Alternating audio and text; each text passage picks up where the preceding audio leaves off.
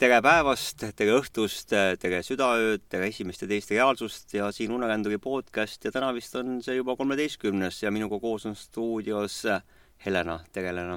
tere, tere kõigile! jah, ja meil on ka veel tegelikult äh, täna väga palju virtuaalseid külalisi. oo oh jaa, jaa, täna tuleb üks mõnus äh, podcast, ma ootan seda isegi. mina ootan ka, sellepärast et äh, meil oli äsja ju unenägemise jututuba ja palju inimesi oli ning äh, kõikide olid omad lood ja siis meil tekkiski idee, et mis me siin ise kogu aeg kahekesti pingutame, et laseme teistel ka rääkida. no peamine on ikka see, et läbi lugude äh, sa ise õpid ja, ja mitte ei õpi isegi teadlikult, vaid äh, alateadlikult siis kui sa oled unenägemises või astraalis, siis sa tead, mida teha, sellepärast et sul tuleb meelde, et seda sa oled kuulnud. et ma nüüd käitun niiviisi, mingisugused väiksed nipid. muidugi nippe tuleb igalt poolt mis minu jaoks oli nagu väga põnev, oli see, et mul meeldib see sünkroonsus, mis tekib eh, inimeste vahel ja kuidas see energia antakse ühelt teisele edasi ning kõik need inimesed, kes osalesid siis unenägemise jututoas, kõikidel olid mingid uued kogemused pärast ja. seda ja kes on sellest rääkinud, kes on sellest kirjutanud, aga me palusime siis ka täna kaassaate autoriteks eh, endal Mareki, Sven Kristjani ja Irje ning nad kõik valmistasid endale ette väikse lõigu ja me andsime neile ülesandeks siis, et palusime õigemini äh, rääkida, mis neid nagu tõukas unenägemisega ajale või oli, mis nende jaoks kõige põnevam või parem selline unenägemise kogemus? ei olnud mingit konkreetset ülesannet, lihtsalt kes tahtis, seda rääkis, mida tahtis. täpselt, täpselt, me tegelikult ei pannud piiri ette. jaa ja. et aga tulevikuks, et igaüks, kellel on mingisugune huvitav kogemus, võib täiesti mobiiliga lindistada, paariminutiline täiesti okei okay, ja saata meile Messengeri kaudu või mis iganes, et äh, paneme lõigu sisse, sest et minu arust on nii lahedad need väikesed äh, pisikesed siuksed ahaa, oh, ma sain kehast välja või mida iganes, ma kogesin, ma käisin teadlikus unenäos ja nägin seda, tegin seda. mulle alati meeldib, kui tulevad uued inimesed ja uute inimestega on uued lood ja uued lood on alati siuksed, et äh, nad ei, nad, nad on äh, meeli avaldavad. no siis öeldakse neid kõige suuremaid lugusid ja nii edasi, aga, aga need igapäevased lood, need on need ju, mille sees me elame. Need on need hoopis tähtsamad asjad, sellepärast et see on, see on see suur mass, niisugune dželli on see, mille sees me oleme ja kuidas me liigutame siin-sinna kuidas me õõtsume kaasa selle kõigega, et see kõik on hästi oluline minu arust. aga kas me loeme sõrmi praegust, et ütleme niimoodi, et et anname igale sõrmele ühe osavõtja nime ja siis vaatame, et kellele me siis sõna järgmisena anname, et kas on see Sven Kristjan ei, alustame sinust ikka. miks me minust alustame no,? minu otsus okei äh, mida sa kuulda tahad? ma tahan su kõige viimast äh, teadlikku unenäo kogemust näiteks teada no kõige viimane oli kaks päeva tagasi. no sihuke ere ja huvitav ka, et mitte ainult lihtsalt, et korraks sai. ere ja huvitav. väga hea, räägi um,. seda oli muidugi väga põnev näha, eks ju, et ma ei tea, kui hästi ma suudan seda edasi anda mõttes ja, mõttes ja siis selles äh, kõnepildis. noh, mis aga ma üritan, onju. ma tegin selle kohta loo ka, et mm -hmm. võimalik, et paljud, kes seda podcast'i kuulavad, on tegelikult seda juba lugenud unenägemise lehel. aga ma tean seda, et et äh, ma ilmselt ei suutnud seda edasi anda nii, nagu ma seda tegelikult tundsin seal. ega ei saagi, see pole oluline, aga, aga isegi äh, see, mis sa püüad, siis ma arvan, et sõnas on ikka alati, alati parem. noh, viimases jututoas äh, ma rääkisin nendest jõupaikadest, kus kohas äh, tihtipeale sa sõidad siit päris maises elus, kulged läbi nende jõupaikade ja sulle alati meenub selles kohas mingisugune konkreetne nägemus, mida sa oled näinud, näinud ette või siis on toimunud seal unenägemisi järjest ja järjest ja ja see juhtus jälle olema niimoodi, et, et päev, see on samasel päeval, ma sõitsin töölt koju kesklinnast ja hullumaja juures, hullumaja juures jälle mul kohe meenus kõik need asjad, mis ma olin nagu järjest näinud ja mõtlesin, täna tahaks midagi mahlakat. ja vaatasin täpselt sinna punkti, kus kohas ma nägin ühes unenägemises siis seda uut tulevikulinna kolm tuhat aastat edasi siit meie ajast praegust. ja vaatasin selle, selle koha peale, maiselt siis vaatasin ja ütlesin, et nüüd midagi mahlakat tuleb, ma tahan näha eks. ja oma unenägemises hakkas see peale kui tavaline nagu unenägu. ja see unenägu algas minul siis kaubamaja taga ristmikul, Gonsiori tänava ristmikult.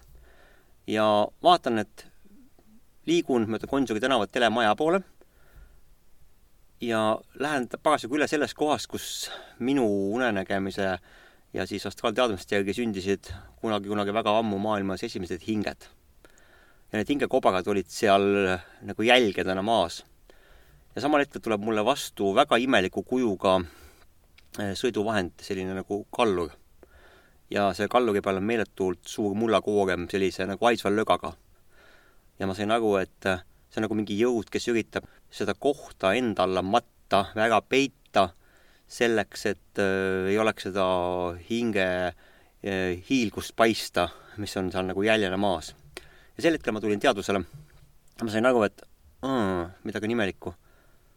et äh, see kallur on sellise kujuga, mida me oleme varasemalt unenägemises näinud ja see on mul päevikusse joonistatud ka, täpselt sellise kujuga, et see oli üks astraalne märk ja ma ei saanud sellest aru, et mida see tähendab. ja samal momendil ma liikusin ja siis see kallurijuht nagu sõitis minu poole, täpselt minu poole, et nüüd ta tuleb mulle otsa. kui sa oled nagu teadlikus unenägemises, siis sa suudad panna käe ette ja ma lihtsalt astusin niimoodi natuke kõrgemale teevalli peale ja panin õla ette ja siis lükkasin kalluri niimoodi tagasi plõksti oma kohale ja, ja ta sõitis edasi, siis näed sa, et alati ei lähe nii, nagu plaanit-, plaanitakse, eks ju, siis mitte minul läks nii, nagu plaanitakse, aga temal ei läinud nii, nagu plaanitakse. ja järgmine hetk olin ma juba järgmisel ristmikul, mis on Kivisilla ristmik seal. ja siis selle peal seal oli äh, tegelikult kinosõprus. ehk tegelikult Kivisilla ristmikul jõudsin ma kinosõpruse juurde. saad sa aru, on ju? noh, nii. jah, jah.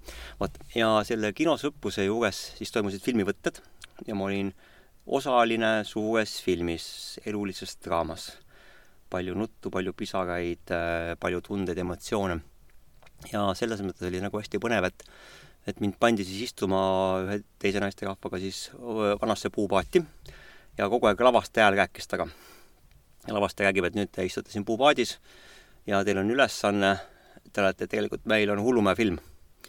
et see on film hulludest, kes, kelle ajud on sassis, aga nende hinged on terved ja kuldsed ja nad ei suuda oma äh, selles maailmas oma kehaliselt väljendada enda soove, enda tahtmisi, enda tundeid ja nad on noh, sassis, nagu kõik inimesed, nagu normaalsed inimesed. ja siis ma sain aru, et, et siin on mingisugune nagu hästi suur õpetus sees. ja ütleb, et nüüd te istute siin paadis, vaatate üksteisele silma ja annate kogu, kõik oma emotsioonid, kõik oma tunded te peate välja mängima läbi silmade ja vaataja peab sellest aru saama ja ma nagu täiega istun seal ja mõtlen, et mismoodi see võimalik on. higistan nagu niimoodi, et mm, püüdsin anda oma parima ja siis see hääl muidugi räägib, vaata ja nüüd, kui te sellega toime tulete, kui te oskate juba oma energias väljendada oma emotsioone ja tundeid ja mõtteid ja kõike, kõike seda, mis on hinges sees, oskad seda siia maailma tuua, siis sa saad sõnalise rolli. ja sel hetkel niimoodi mõtlesin, vau, sõnaline roll, päriselt või? et esimene sõnaline roll, oo, juba mõtlesin peas, et nüüd tuleb palju lauseid, nüüd tuleb palju lauseid, nüüd ma ütlen midagi vägevat ja samal hetkel siis oli see, et Teen ise sekkus sellesse hetke ja, ja hakkas mulle rääkima. ütles, kas pole imeline film tunnetest, emotsioonidest, mida ei tohi väljendada muud moodi kui ainult läbi silmade ja siis energia. ja te istute mädanenud puupõhjaga paadis nagu ühes kastis. ja kohe tuleb siia kollane ekskavaator, millel on ees selle haagatsa asemel kolhoosi sitavigla, mis tõstab teid taevasse. ja see on täiuslik draama, kõik vaatajad nutavad ja sina ütled oma esimese sõnalise rolli.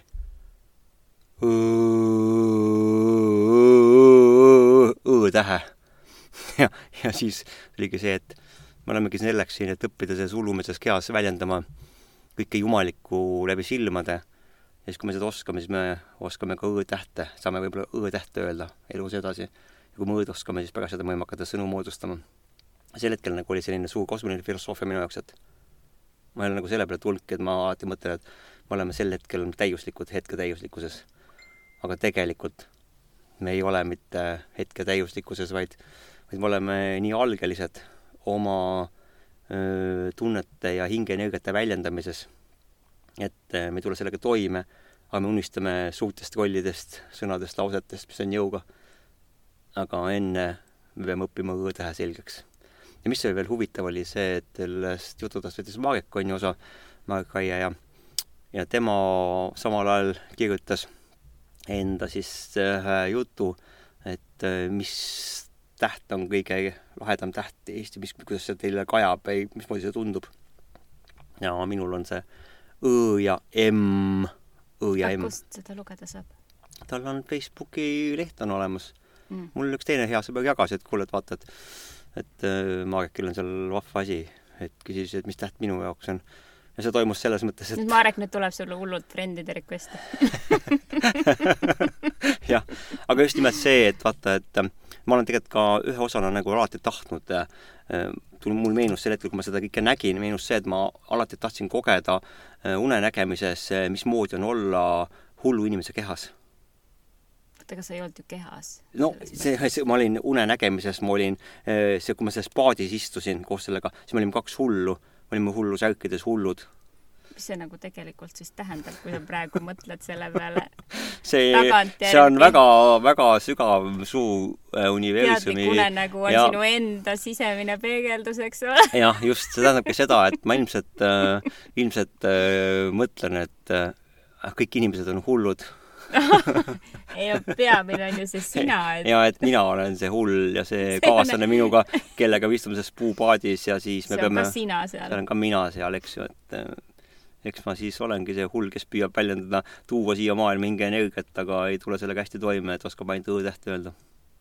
Mm. ei, seal on kindlasti, ma, see, see ei jää viimaseks äh, selles mõttes, see tekitas jälle küsimusi juurde mul, see tekitas küsimusi juurde ja ma kindlasti vaatan sellest järge, sest seal oli nagu ähm, see tunne, see emotsioon, see filosoofiline nagu avaldus, mis nagu läbi nende võimsate metafooride anti. et, et äh, ma, kui ma siia maailma nagu tagasi tulin, siis, siis enne seda nagu tee peal need kajasidki see puupaat, paat on reeglina, kui sa näed, et sa oled paadis unenägemises, siis paat on äh, sõiduvahend ühest maailmast teise. aga kes seal juht oli? kes oli juht või? meie olime seal juhid, selle kaaslasega koos, aga selle paadi põhi oli mädanenud. ja siis ma veel ütlesin veel seda ka seal, et, et mis pole hullu, et, et ma teen selle paadi põhja korda, et ma oskan kõiki töid teha, et ei ole küsimus, onju. ja siis öeldi, et ei, ei, et me teeme ise korda, et et äh, sa ei pea, sina pead ainult näitlema, näitle välja oma need tunded, emotsioonid, kaamera võtab kogu aeg. et too see välja, too see välja, too see välja, see oli nagu väga suur väljakutse. ja ma olen inimesena tegelikult tundnud ka, et sinu sees on vahest nii palju, et tahaks seda väljendada, aga ma ei suuda väljendada. Et aju Et jookseb saaks. et teised aru saaksid mm. -hmm. no sa iga päev koged seda, eks ju see on lihtsalt nii inimlik, on ju, et suuta nagu äh, lihtsad asjad keeruliseks teha. ja see ongi nagu hullumeelne, tegelikult see on hullumeelne. ja vaata, et äh, inimeste maailm on ka hullumeelne, et seda ta, selle ta otseselt viitabki, et, et äh, meie sees on asi, mis me tahame välja tuua siia maailma, aga see pöörab vastupidiseks sellele, mida me tegelikult tahame väljendada, mida me seesmiselt tunneme. Et see on selline inimlik ei dilemma no seal unenägemises ta ei pöördunud vastupidiseks, pigem sa said sellest väikese protsendi välja öelda ja sain või välja silmadega väljendada. jaa, ei jaa, see, ma loomulikult Aga-, ma tulin toime sellega. Ma, ma tulin toime, sest muidu ma poleks saanud õ-tähte öelda, siis öeldi, et, et kui sa juba suudad, on ju, energias väljendada läbi silmade, et vaata, silmad on inimese hingepeegel, eks ju. aga unenägemises ja astraalis sul ei ole vaja teise inimesega suhelda verbaalselt, vaid sa saadki ju mentaalselt selle info kätte. no absoluutselt, sa oledki ju telepaatiliselt äh, seotud siis, jah, jah. no see oligi, see oli läbi silmade ikkagi, telepaatia on ka see, et sa vaatad ikka silmadesse ja nagu siin maailmas sa võid inimestele ka rääkida silmades ja rääkida silmade keeles. et see oli selline minu viimane siin maailmas on raske sellest aru saada alati. on, aga äkki see on järgmine samm edasi Mm. et selleks, et äh, hullu särgist välja pääseda. kõigile mõtlemiskoht, et äh, te võite oma mõtteid avaldada selle kaks päeva tagasi olnud siis Brain Jam äh, jutu kohta. aga mis sinu oma oli? ma räägin nüüd natukene mm, risti, et kõigepealt ma räägin tagumise või vähemalt ühe sealt tagantpoolt ja siis ma räägin pärast äh, selle, mis ma nägin vahetult pärast jututuba. sobib? jaa, muidugi sobib, palun. aga miks mul üldse see idee tuli, selline podcast teha oligi see, et, et ma nägin sellist huvitavat, enda jaoks huvitavat äh, unenägemist. see on nüüd konkreetselt unenägemine. nii äh,, hakkas see pihta sellega, et äh, ma näen oma isa kuskil üleval vasakus nurgas. siis äh, näen all mesilasi ja erilasi, paar-kolm tükki. vaatan neid ja nad on siuksed hajusad nagu. Ja siis äh, ma keskendusin oma pilgu nendele, et äh, teravustada seda, et ma näeksin teravamalt ja teravamalt ja vot see andis mulle nüüd tõuke, et ma sain aru, et ma olen unenägemises. enne just rääkisid et äh, see on korduvad kohad, kus sa oled ja see annab sulle teadlikkuse, et sa oled unenägemises mm. -hmm. ja siin tuleb hiljem pärast, Marek ka räägib sellest ja, samast ja. teemast ja eks see on kõikidel niimoodi olnud, kes on rohkem kogenud unenägemisi, et äh, kui on üks ja sama koht, siis sa seal teadvustad, ahaa, ma olen siin olnud, järelikult ma olen unes. ja minul on siis need, et mul oli siis need mesilased seal, mesilased või herilased ja siis ma sain aru, et ma olen unes. ma ütlesin endale taotluse, aga ma ei mäleta seda täpselt, mida ma ütlesin. vaata, vahest on need unenägemised sellised hästi selged ja sa täiesti nagu konkreetselt mäletad sõna-sõnalt kõike, mis on. aga selles, ma ei tea, kas ma, kas see oli siis, mul ei ole siin kirjas seda kellaaega, millal ma teda nägin, äkki ma nägin vahetult pärast magama jäämist, et siis on nad udusemad natukene. ja, ja siis ma igal juhul küsisin midagi enda kohta, ma tean. ja näidatakse mulle ekraani peal pilti, kus on niisugused kolme-neljakorrulised viis, viilkatusega rida elamud, siis on punased seal suured nagu mõisamajad või midagi ja nii edasi ja nii edasi, see pole oluline, aga oluline on seal see, et siis ma küsin selle peale, et mida see nüüd tähendab. vaatasin selle stseeni ära kõik ja, ja seisan seal keset äh, aulat justkui või mingit suurt koridori ja ütlen, mis see tähendab niimoodi? sest et mul oli meeles, et Sven Kristjan ükskord ütles, et ta läheb unenägemist ja ühe küsimusega tuleb tagasi kolmega ja ma ei tahtnud, et mul see niimoodi oleks seal unenägemises. ja siis ma lihtsalt seisan seal ja karjun, mis see tähendab, mis see tähendab mis asja see nüüd tähendab, mis ma pean poole elama minema või? ma mõtlesin, et noh, need tundusid nagu siuksed Poola moodi majad, ma ei tea. mis asja see tähendab nüüd, lõpetage ära, ma ei lepi sellega. Ja siis tuleb justkui nagu teine teadmine või teine hääl ütleb mulle või ma ise ütlen endale. teises hääl on see, mina ütlen. no ma ei tea, aga justkui niimoodi. ja siis ütleb, et pean looma ilu enda sees ja ümber tundub, et see pole üldsegi nagu kontekstis kuidagi ei ole sellega seotud. nagu mingid suvalised majad tee ääres, eks. aga, aga tuleb selline lause ja see oli nagu konkreetselt nagu see tähendus siis. nii, kuulen selle lause ära ja siis läheb rong mööda. Kuulen, kuidas ta kõrva äärest tuleb ja läheb niimoodi. ja siis kohe appi, jälle. no mis see nüüd siis tähendab sa oled paranoiliseks muutunud. jah, ei ma olin seal, seal täiega olin mis see nüüd siis, ma pean nüüd järgi minema sellele rongile, kiiresti läksin sinna, lendasin järgi ja, ja siis äh, sina olid seal. kutsusid mu ära siiski. ma sain aru, et sa oled tupikus vot mul on see üles kirjutatud, vaatan, kas ma midagi edasi ka seal nägin või ma tulingi ärkvele seal. sul saab vaktsiini päevik täis, ma vaatan, sa pead uue võtma ja ei, siin, siin nagu väga palju edasi ei läinudki, see pole enam põnev, aga lihtsalt idee oli selles, et ma ei leppinud sellega, mis mulle näidati, sellepärast et ma ei saanud sellest aru, mul on nii mitu korda olnud teadlikkus unenäos. ma lähen sinna, küsin küsimuse, konkreetse küsimuse, väga konkreetse ja ma ei saa konkreetset vastust. ja ma ei ole sellega üldse rahul. ja sellepärast oligi, et ma kohe küsisin järgi, et mis see tähendab. ehk siis emotsionaalselt kohe küsige ka et see oleks minu, minu selline sõnum teile. ma arvan, et väga paljud on küsinud seda, vaata, ma olen sulle rääkinud ka onju, et, et see ongi see, et sa oled mis ma nüüd sellest pean aru saama? jah, aga sa kohe ja, ei ole, ei, ma ei ole kuulnud, et sa oleksid ütelnud, et sa kohe seal unenägemises oleksid ütelnud seda. on olnud. On, aga siis ma ei mäletanud lihtsalt. aga mul endal jah, et ma, ma mitu korda sulle ütelnud, et küsin küsimusega, vastust ei saa, sa oled lihtsalt öelnud, et jah, ei saagi alati vastust aga see ei ole no,, mul on nagu midagi rohkemat öelnud, ma ei mäleta, et sa nüüd no sa pole rohkemat küsinud ei no okei okay., lihtsalt aga ongi see, et aga mul endal tuli sihuke, et, et ma ei taha minna ühe küsimusega tagasi kolmega tulla, et, et ma ei jõua neid. aga kas sa said siis selle vastuse enda jaoks? no vastus oli no see ei sekümmend, aga, aga kas see vastus sind nagu noh, vaata, et üks asi, et vahest neid vastuseid öeldakse küll, aga need vastused tunduvad siuksed nagu kontekstist väljas olevad. ja kuidas siis sa nagu no see oli minu endaga seotud küsimus. minu siseeluga ja kõige sellega okay.. eks, ja see on täiesti normaalne vastus ju, pean looma ilu enda sees ja ümber. see haakub selle ütlusega, mäletad, mis sul oli see lilledega seotud? See oli hingedega seotud. hingedega ja lilledega seotud, see on ka sarnane.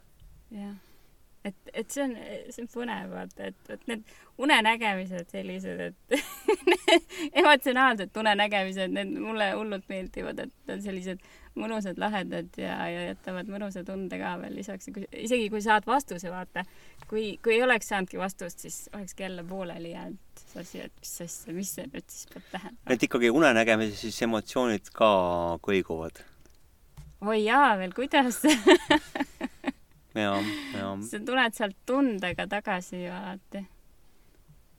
vaat me rääkisime ju viimase jututoas just sellest, et sa naerad, pärast vist Edekiga rääkisime ja. sellest jah ja. ja., et, et on sellised lahedad unenägemised, kus, kus sa lihtsalt naerad, aga sina rääkisid oma lugu, kus sa naersid ja ma rääkisin pärast Edekile oma lugu et naerad kõht kõveras unenägemises, tuled ja sul on mitu no, päeva see naer sees. no tegelikult ütleme, üks viimaseid asju, mille ma naersin, oli see, et ma ko koogisin banaani ära oi, see on naljakas see oli nagu täiega naljakas, et ma itsitasin niimoodi, mul silmad mäged, et kui ma nagu üles ärkasin, siis oli see nii naljakas, siis ma tundsin ennast natuke hullu. no tegelikult see hullumeelsus, ma arvan, et see on ei, mul oli ikka päriselt naljakas asi ja mul oli ka naljakas, aga siin enam ei olnud ta naljakas, onju.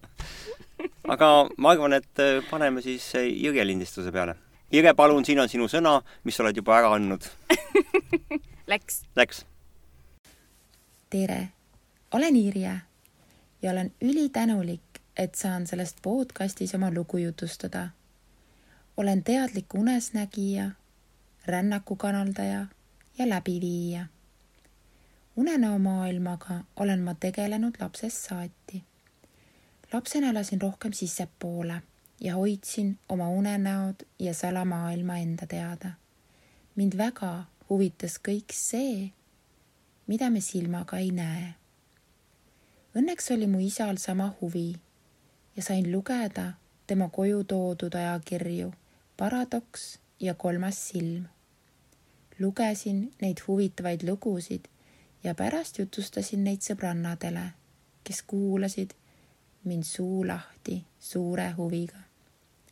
minuga võtsid kontakti ka surnud lähedased, kes mulle unenägudes end ilmutasid. hästi palju on mulle toeks olnud ja huvitavat infot unes jaganud minu lahkunud lemmikvanaema, kellega mul eluajal oli tugev side. ta hoidis mind eluajal ja oli mulle toeks ka pärast tema surma. Ja seda just minu unenägudes.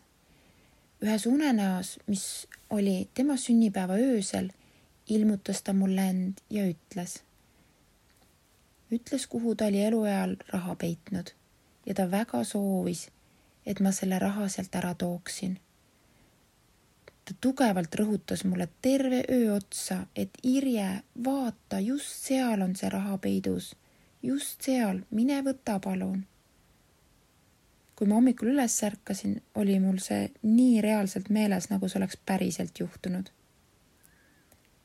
kuna aga selles majas elasid juba uued elanikud, ei hakanud ma sinna varandust otsima minema aga emaga rääkides sain teada, et vanaemal oligi komme raha ära peita.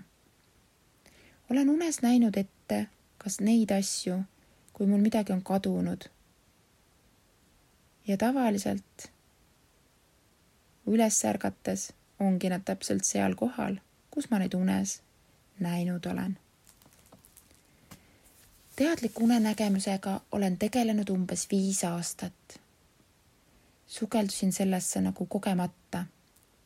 kui ükskord raamatupoodi sattusin ja minu kätte sattus raamat Astraalrännud algajatele.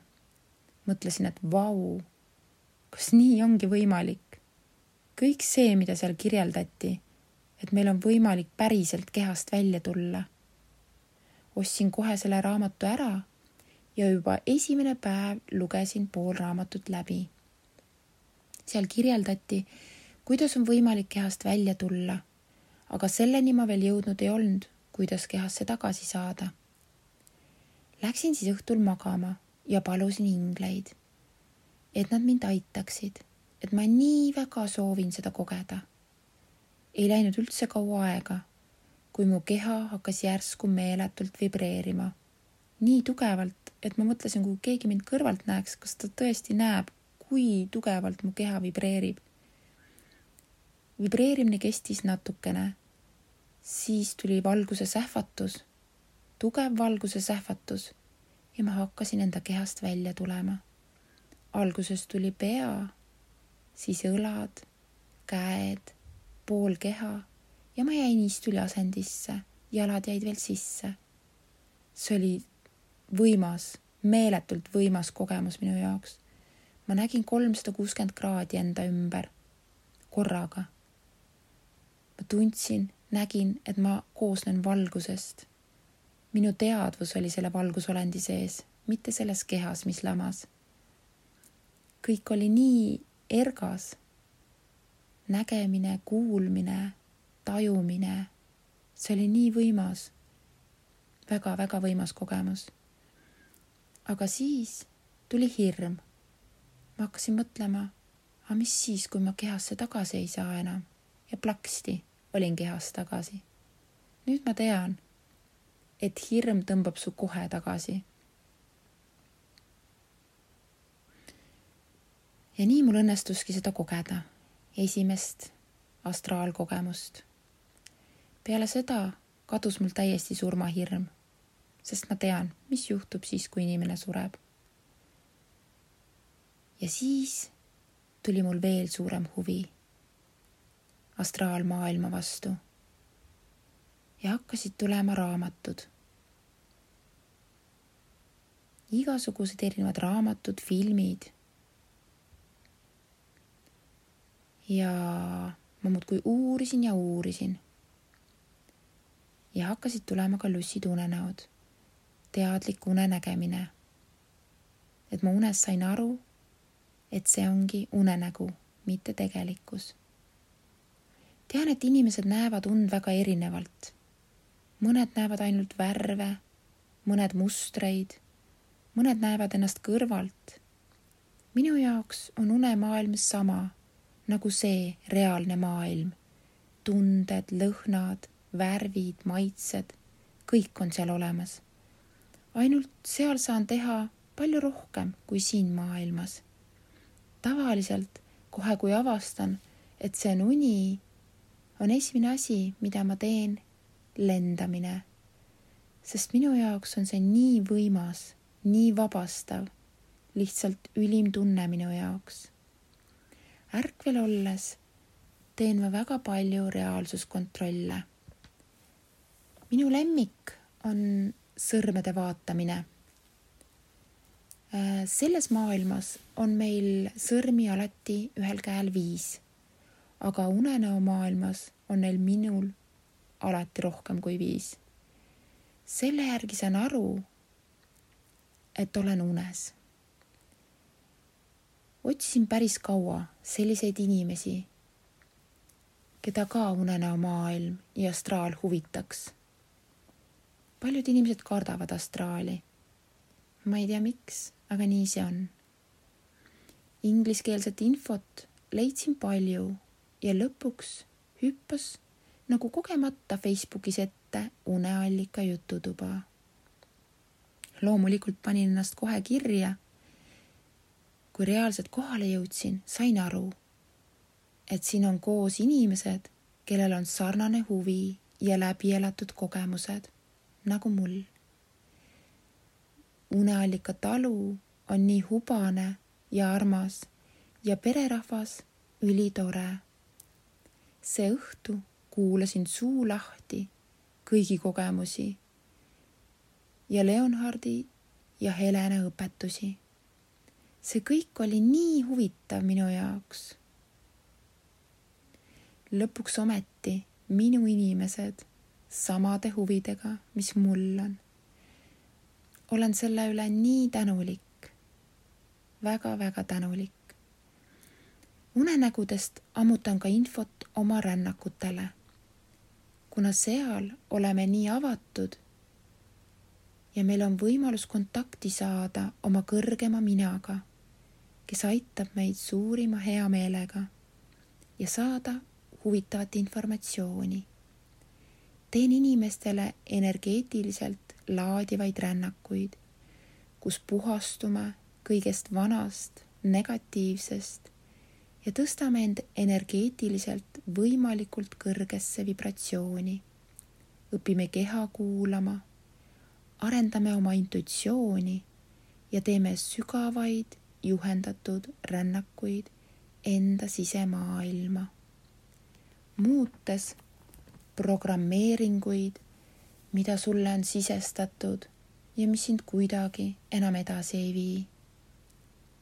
avastades, kui huvitav kui võimas sa tegelikult oled. ja sulle hakkab avanema maailm, millest sa varem teadlikki ei olnud. olen tähele pannud, et minu rännakutele satub väga tihti väga palju võimekaid ja võimsaid inimesi, kes on oma võimed millegipärast alla surunud ja paigale tammuma jäänud. Rännak nagu kisub nad enda kestast uuesti välja ja paneb tegutsema, edasi liikuma suure ja positiivse eneseusu ja energialaenguga. isegi kartus kaob ära, et äkki teised arvavad minust ei tea mida, kui erinen teistest ja teen seda, mida minu süda soovib sa leiad julguse olla sina ise ilma ühegi maskita ja avastad selle sära, mis sinu sees peidus on. see on lihtsalt nii võimas.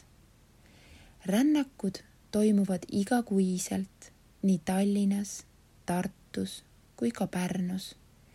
infot meie rännakute kohta saad Facebooki lehelt Kuldne Kiil või meie kodulehelt kuldnekiil.ee. teen ka eraseansse, kui on vaja sukelduda lapsepõlve ja vaadata sealsed läbi elatud kogemused üle ning neid tervendada. selline ongi minu lugu. aitäh! Äh, mulle väga meeldib Irje häält kuulata see on nagu sinu häälgi vaata samamoodi uinutav, et, et kui sa selle, tegid selle meditatsiooni, siis äh, ma jään kohe lambist magama. et see igat-, peaks väga, väga positiivne. ma kuulan, mõtlen, et issand, ma peaks seda juttu kuulama õhtuks, seda häält kuulama no,. ma juba tunnen, kuidas kõik läheb siukseks unemaailma edasi. jaa, et Irje, et äh, ma tean, et sa teed ka, oled teinud erinevaid meditatsioone, et äh, see on sinu maailm kindlasti kohe. ja muidugi, mis mul Irje puhul meeldib see, et, et tal on suht sarnane crazy unenägemise taktika. Ma olen leidnud sarnasusi, me oleme omavahel suhelnud niimoodi pärast seda, kui me kohtusime Uneallikal ja oleme rääkinud ja, ja meil on sarnane selles mõttes selline kopeerimine. Et tal meeldib, tal, ta läheb kaasa selle hullumeelsusega. No ega sealt uneallikalt on kuulda teisigi ju, kes ja. ühed ja teised kolmandad, et äh, see ongi, need on need emotsioonid, mis seal välja tulevad, eks, millest ma ka just rääkisin, et no muidugi Jüri mehel läheb hästi, see tema viimane kogemus oli väga ja ta oleks võinud ka teha selle häälde, et see aga oleks... Rasmus, me tervitame sind, kus iganes sa oled ja jah, et sinu, sa tõstsid unenägemises, tegid uue taseme oma viimaste avastustega. Kes pole lugenud, lugege Rasmuse eh, kenat kirjutist. jah, aga järgmisena Sven siis või? Jaa, ma tahaks, jaa, kuulame teda. jaa, et Sven Kristjan, palun, nüüd on sinu etteaste. tere, olen seda unenägu varem korra rääkinud. paar aastat tagasi läksin tööasjus eh, Pärnusse ja külastasin õhtul äh, pulliasulat. sealt läksin öömajale ja uni ei tahtnud tulla, mis ei olnud minu jaoks väga hea uudis, kuna pidin hommikul seitsmest olema kliendi juures. vähklasin, värklasin ja üks hetk jäin magama. näen unes, et olen mingisuguses ruumis, millel ei ole otsa ega äärde. ja see hetk saan teadlikuks, et ma näen unenägu ja samas potsatab minu kõrvale olend, kes on kollakas nagu vahtraleht või, või siis ikkagi pigem kuldne. ja ma tunnen väga selgesti, et tegemist on nagu naisenergiaga.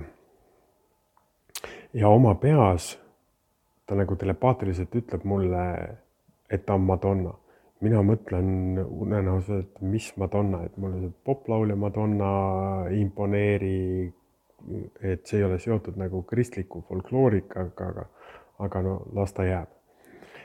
Ta nägi välja nagu silmi ei oleks mingis mõttes nagu oleks tal mingisugune, ma ei tea, tuunika või skafander seljas. ja mul on raske fokusseerida oma pilku temale sest ta on kuidagi nagu nii kirgas ja kuidagi säriseb nagu see tema siluett.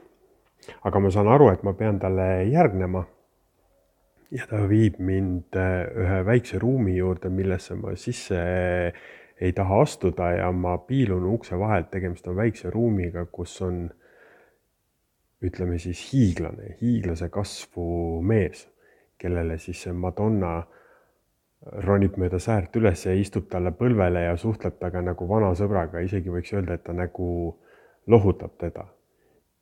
Ja järgmine hetk mind visatakse sealt unenäost välja pläraki.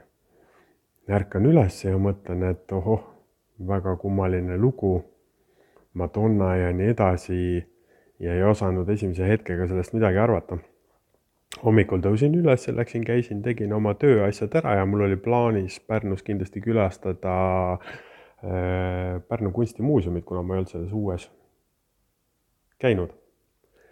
Lähen siis kunstimuuseumisse, annan oma riided ära, ostan pileti, koos piletiga saan niisuguse infobrošüüri ja sammun siis äh, näitusesaali poole ja brošüüri üks esimesi asju, mida ma seal brošüüris näen, on sõna kiviaja Madonna ja mul käib siis niisugune kuum jutt üle selja nagu niisugune äratundmine, siis ma kiirendan oma sammu ja lähen sinna näitusesaali, kus see kiviaja Madonna on ja tegemist oli põdrasarvest tehtud kujuga, mis on üks niisugune kakskümmend viis sentimeetrit pikk ja mille vanuseks on umbes kaheksa tuhat aastat enne meie aega. vot selline lugu jah, Sven-Kristjan, aitäh sulle selle eest, et äh, me oleme sinuga rääkinud äh, egaviisiliselt ja siis uneallikal ja telefonits ja, ja kirjutanud ka. ja need on sellised põnevad kogemused, mida nagu ei ole võimalik äh, tegelikult selgitada mingite mingisuguste selliste maisete, maisete reeglite ja valemite järgi aga just nimelt, et kui sa nagu unenägemises koged, sulle öeldakse asju, mis on iidsed asjad või näidatakse asju, mis on nagu üks-ühele, või siis räägitakse keeles ja sa kirjutad laused üles ja sa pärast translate'iga leiad, et need tähendavad seda ja seda ja seda, on ju, siis ähm, see on see, mis, mis paneb nagu sind tundma, et äh, unenägemine on ilgelt ürgne maailm. ja meie, kes me oleme unenägijad ja unekändurid, me oleme selle unenägemise maailma pärandi vaimuhoidjad. kõik, kõik unekändurid. igaüks, kõik, kes me osaleme selles. aga sa tahtsid äh, midagi veel rääkida? jaa. Äh, vahetult pärast äh, unenägemise jututuba, siis teile, kõik läksid ära, eks ole, ja sel öösel ma jäin sinna üksinda mm. -hmm. Teie läksite Ukuga ka minema ja ma läksin nimme hästi vara magama, kella kaheksast läksin magama juba, enne seda ma kordasin äh, väga palju, päeva jooksul või see õhtu jooksul ka kordasin siis kolme afirmatsiooni. ja äh, need olid siis, mõtlen need ka, naudin astraalrännakuid, saan kergelt kehast välja, mäletan astraalrännakuid ja kogu aeg kordasin, värvisin seal seina ja, ja tegin seal vaata aidas ja siis, mis ma seal veel tegin. kogu sa... aeg, kaks tundi järjest? ei noh, selles mõttes äh, läks okay, natuke okay. mööda ja jälle kordasin, aga noh, kuna ma olin üksinda omas elemendis, siis mul oli võimalik seda hästi mõnusalt teha, et äh, ei mõtelnudki millestki muust. ja magama läksin ka nende sama kolme lausega. ja, ja kassi lasin välja. Aga kas sa tegid äh, mingi tavapärase sellise enda rutiinse meditatsiooniga läbi enda lõdvestuse, Ah, täpselt seesama, mis okei, mul seal okei. lõdvestuse See, see mis- meditatsioonis on, needsamad harjutused Mhm. tegin ma siis Okei. tea- teadlikult läbi enne seda. nii, oota, ma vaatan oma märkmikust, mis mul siit täpselt on ah,. siis ma tõusin vahepeal üheksa kolmkümmend tõusin ülesse. selleks ajaks ma ei olnud midagi näinud ja kass oli veel õues. Ja siis mõtlesin ise veel, et, et ma nüüd magan kaheteistkümneni, see on paras aeg, vaata, kõigepealt magan sügavalt ära ja siis hommikupoole ma panen kellad helisema. et äh, siis ma näeksin neid teadlikke unenägesid, paneks iga kahe tunni tagant või isegi ühe tunni tagant, mis ma mõtlesin seal panna. kellad helisema, nii ja siis ma keerasin veel külile ka, et noh, et külile mul on mõnus magada, et, et noh, ma ei plaaninud mingisuguseid unenägemisi ega, ega astraaliga asju näha. nii, ja siis, siis oli see, juhtus, juhtus midagi täiesti ootamatut minu jaoks, ehk siis ma tundsingi, et ma olen kehast väljas, sealsamas voodis, aga kõik tundus natuke imelik jälle. ei ole nagu see üks-ühele reaalaja astraal et kus sa teadlikult lähed, eks nagu diivani peal, ütleme, et sa ei jäägi magama ja siis lähed, et aga see on ikkagi nende uneelementidega see sarnane. et seal on uneelemendid sees. Ja esimene asi, mis ma mõtlesin, et oh, ma pean kiiresti nüüd kehast kaugemale minema, sest et muidu äh, keha tõmbab tagasi. Läksin äh, kohe sinna taha magamistuppa. ja seal on muidu need Uku äh, ekraanid, eks ju. et aga ma ei näinud neid selgelt mingil põhjusel.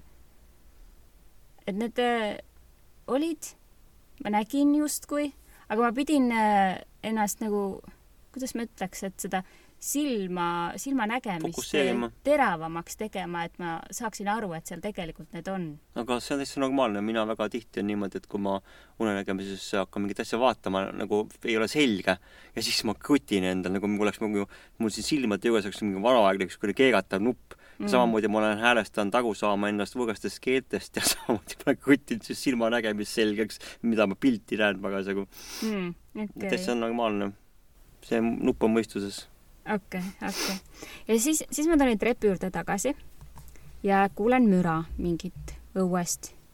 ja siis jälle oli, kõik oli nagu läbi sääsevõrgu. ei olnud selge, vaata.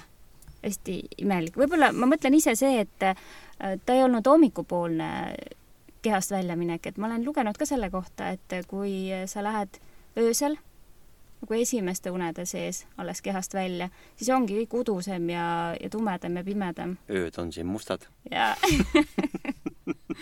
okei okay., ma enda jaoks vähemalt niimoodi seda siis mõtlen. ja, ja siis näen ähm, nii, ma seda vahepealset lugu, siis ma nägin äh, vahepeal ähm, nagu unenägemist justkui, ma ei tea, need nagu lähevad sassi kuidagi.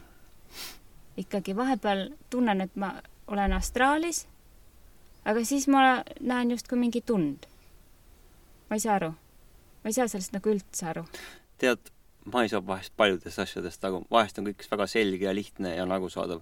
ja teinekord on niimoodi, et äh, sa oledki seal üleval astraalis ja see läheb üle unenägemiseks, unenägemine läheb üle unenäoks ja unenägu Mhm. läheb üle, üle astraaliks aga. muideks ükspäev ma vahepeal nägin und, et ma olin astraalis, sellest ma sain kohe aru hommikul, et see oli unenägu. Mm -hmm. aga see oli ka täpselt nii, et tõusen üles bla,, blablabla, kõik oli nii, aga, aga ma sain kohe aru, et see on unenägu. aga oluline on see, et vaata, et see teadus on ärkvel ja selle kandi pealt ja sa Mhm., sa oled kogu aeg see, kes äh, kontrollib olukorda, näeb ja vaata jah, ja ma mäletan just, neid mida ütleme, vahetult enne magama jäämist ma mõtlesin, kõik, kõik asjad mul on nagu meeles. ja vaata, mul on see teooria, et äh, võib-olla see ühtib kellegi teise arvamusega samamoodi, et et äh, kuna on need paralleelmaailmad, paralleelkihid on niivõrd lähestikku, see on ka astraalkihtides, eks ju, et siis äh, vahest see reaalaja astraal ei olegi sellepärast, et sa lähed kohe välja ja lähed hoopis sellesse teisesse paralleelmaailma astraalkihti.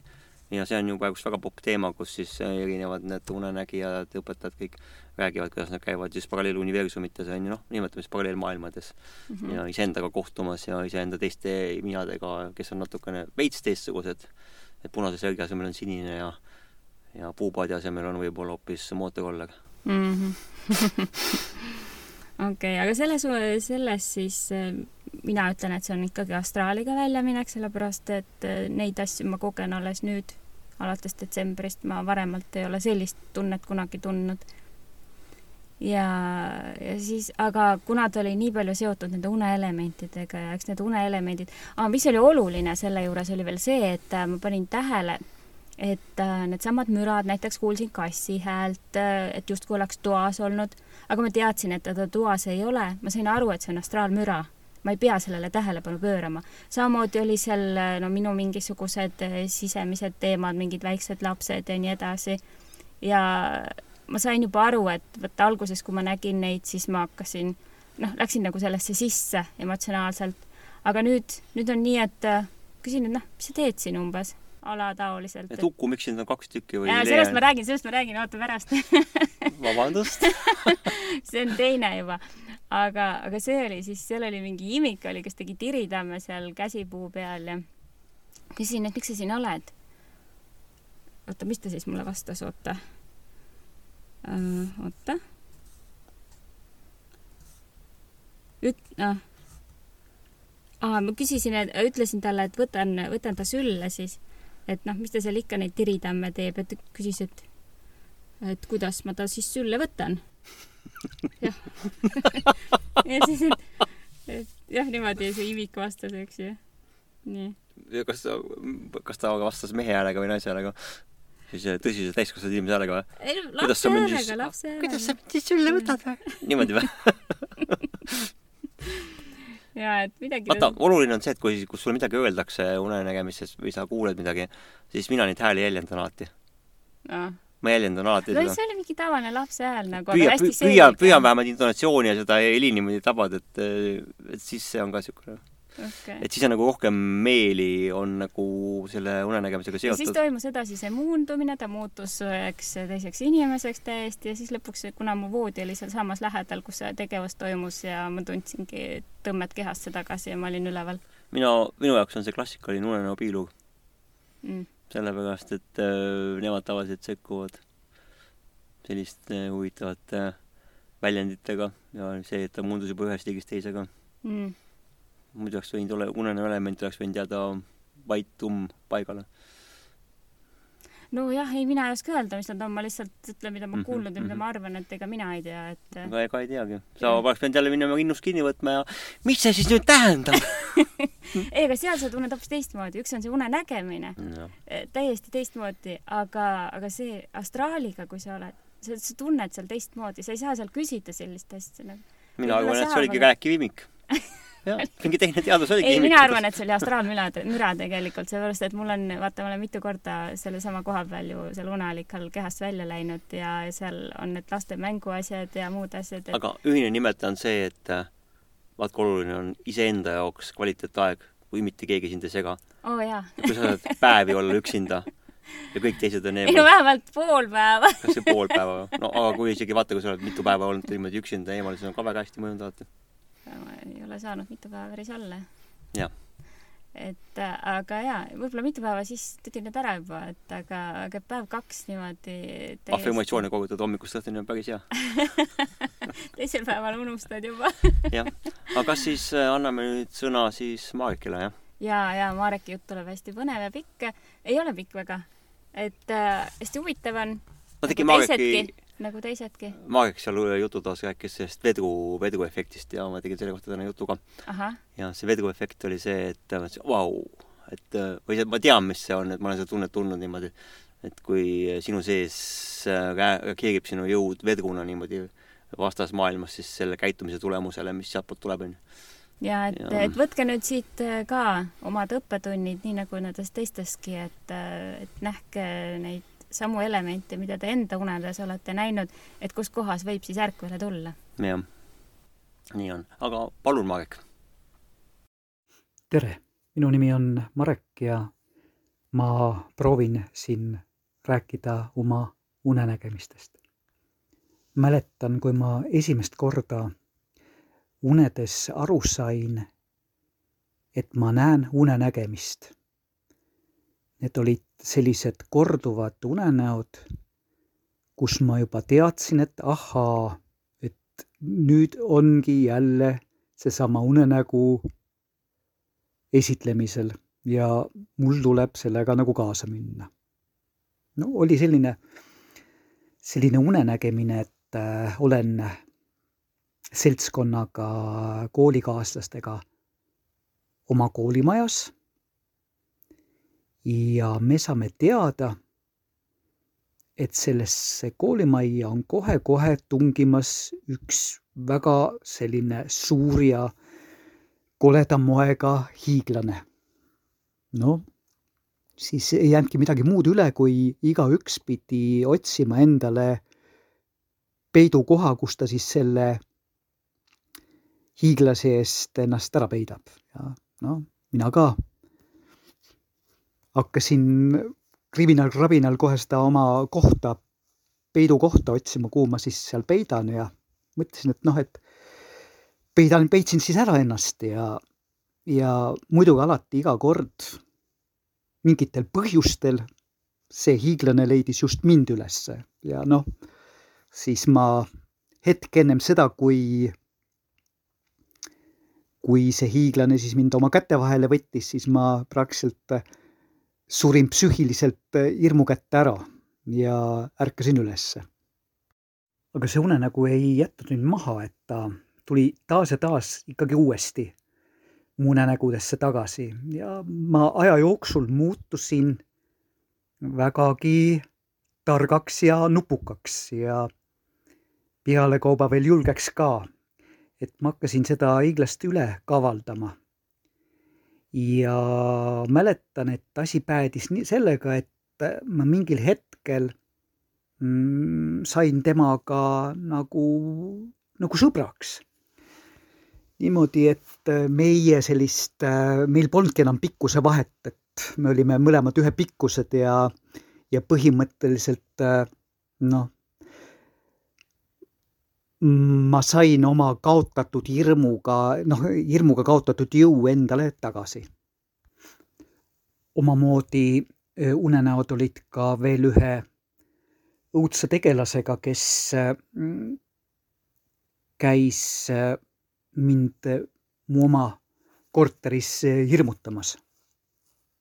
mul oli, elasin Õismäe korteris, selline kaheksakordne maja pika koridoriga. mina olen köögis ja ma kuulen, et keegi hakkab sealt taganttoast tulema mööda seda pikka koridori. ja alati oli mul selline hirm, et no, et kohe-kohe tema eh, kuju tuleb köögi uksele, kus ma siis parasjagu viibisin. ja alati ennem seda, kui ta sinna ukse lävele jõudis, ma ärkasin ülesse. taas see unenägu kordus ja kordus ja kordus ja ühel ööl oli ta järjekordselt sealt ähm, tagant äh, kusagilt toasoppidest hakkama, hakkamas tulema ja ja mina mõtlesin köögis olles, et ma enam ei jaksa seda hirmu tunda, et ma noh, saagu mis saab, et äh, ma vaatan ta ära, kes ta siis selline on. siis ma mäletan seda hetke, kui seesama kuju sinna, tuli sinna ukse läve peale, et ta alguses tundus, no ma vaatasin teda silmanurgast, no ta oli ikka vist nagu jubedalt õudne, aga aga mida rohkem ma hakkasin oma pilku tema peale pöörama, seda kuidagi nagu kergemaks ja sulavamaks ta muutus. niimoodi, et ühel hetkel teda seal nagu kujuna enam näha ei olnud. ja kuidagi minu sisse tuli selline rõõm ja rahu, et jälle üks, üks hirm on jälle vähem. olen näinud ka lendamist küllaltki palju unes. nii äh, justkui kätega õhus balansseerides kui ka siis selliste helikopteritega lennanuna. aga minu jaoks on veel huvitavam lendamisest, on see, kui ma tunnen, et ma suudan astuda mööda õhku, astuda üles nagu mööda treppi, tunda, kuidas õhk mu õhus sammutud samme nagu kannab. see on nagu ääretult, ääretult kaif tunne. Huvitavad uned on olnud ka kõrgustega. Et mäletan seda, et kui ma justkui sõidaksin liftiga ülesse kusagile hästi-hästi kõrgesse kohta ja kui ma siis sealt ümberringi vaatan, siis see vaade, see vaateavarus on lihtsalt niivõrd suur, et, et see on nagu kuidagi täiesti ebamaine tunne sellega seoses. unenägemistes olen hästi palju olnud ka Tallinna kesklinnas ja vanalinnas ja Kadriorus. mul oli teatud aeg, olidki hästi sagedased ööd olid, olid Kadriorus Kadriorg oli natuke teistsugune, kui ta muidugi füüsiliselt, füüsilisel moel on. aga seal ma täpselt teadsin, mis mingid tänavad on ja need kordusid ööst, noh, öösse. mingitel ja mingitel hetkedel elus olles ma ka olin Kadrioruga seotud. üks huvitav unenägude seeria oli mul Viru hotelliga. nimelt olin ma ehitanud äh, Viru hotelli katusele äh, endale nagu penthouse'i, mingisuguse kahekordse äh, majakese, mille ma olin kuidagimoodi kinnitanud Viru hotelli katusele. et see oli mingi totaalselt vinge vaatega mul see elamine seal aga seal oli nagu see asi, et seal vist, et ehitustehniliselt tundus, et, et midagi ei olnud küll päris nagu kaljukindlat. niimoodi, et ma hakkasin mingi aja pärast natukene seda oma ehitatud kätetööd äh, kartma, et ma arvasin, et see võib suure tuulega sealt äh, alla kukkuda aga noh, mm, vist äh, seisab äh, siiamaani unes, et ma rohkem teda ei ole näinud. ja üks äh, omamoodi, omamoodi hirmutav unenägu oli mul ammu aega tagasi. et ma läksin ühte, ühte kohta külla ja jäin seal magama selles kohas. ja ärkan siis hommikul ülesse ja käin selles äh, korteris ringi ja ja midagi tundub kuidagi nagu teistmoodi olema. et kuidagi ei ole nagu see, see korter, kus ma õhtul magama läksin. ja mingil hetkel ma saangi aru, et opa, et ma ei olegi tegelikult veel üles ärganud, et ma olen seal unes, aga noh, väga, väga selle korteri sarnases eh, kohas, noh, ja läksin seal unes uuesti tagasi magama. nii, taas siis eh, magan, magan seal nagu öö ära, ärkan ülesse ja sama lugu. Ikka ärkan ülesse unenäkku, mitte meie reaalsusesse. ja no siis mul tuli väike hirmutunne oli ikka sisse tuli, et kuule, et kas ma ei saagi nüüd siis, siis äh, enam unenäost üles, et kas ma, kas ma jäängi unenäkku ja siis ma läksin kohe sellise tugeva sellise tundega, et kuule, ma nüüd pean siit unest ennast suutma välja magama, magada. Ja siis lõpuks ma siis ärkasin sellest, sellest, sellest unenäkku kinnijäämise unest ülesse. ja väike hirmutunne, noh, jäi ka nagu sisse omamoodi juhtumised või märkamised on ka siis, kui ma magan unes ja ma tunnen, et mul on vaja üles ärgata. et midagi on nagu korrast ära ruu- äh,, toaga, kus ma magan parasjagu. mingisugune selline hirmutunne tasapisi nagu hiilib ligi. ja siis ma nendel hetkedel hakkan kiiresti-kiiresti nagu une, unest nagu ärkvelolekusse nagu tulema. ja tunnen, et midagi mind takistab, hoiab kinni. Siis ma hakkan unes sellist küllaltki kõvat häält tegema. ja lõpuks ma nagu hästi tugeva jõuga mm, nagu tulen tõu, nagu tõukan ennast unest välja ärkvel ole, ole, olusse ja tihtilugu ma olen ka nagu tajunud seda, et ruumis nagu justkui äh, oleks olnud teatav vari. Mm, vahel ma isegi olen niimoodi teinud, et, et äh, kui ma tunnen, et näiteks minu lähedal on keegi, siis ma teen sellise näo, nagu ma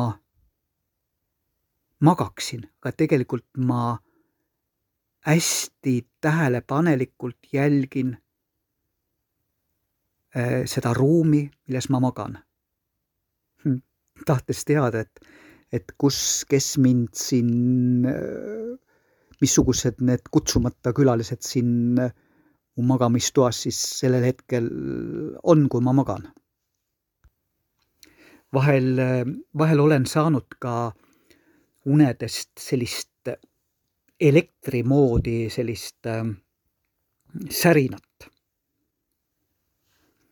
viimasel korral mäletan seda, et äh, magasin justkui unes nagu täpselt samas kohas, kus ma muidu magan, oma voodis ja hoidsin patja käte vahel.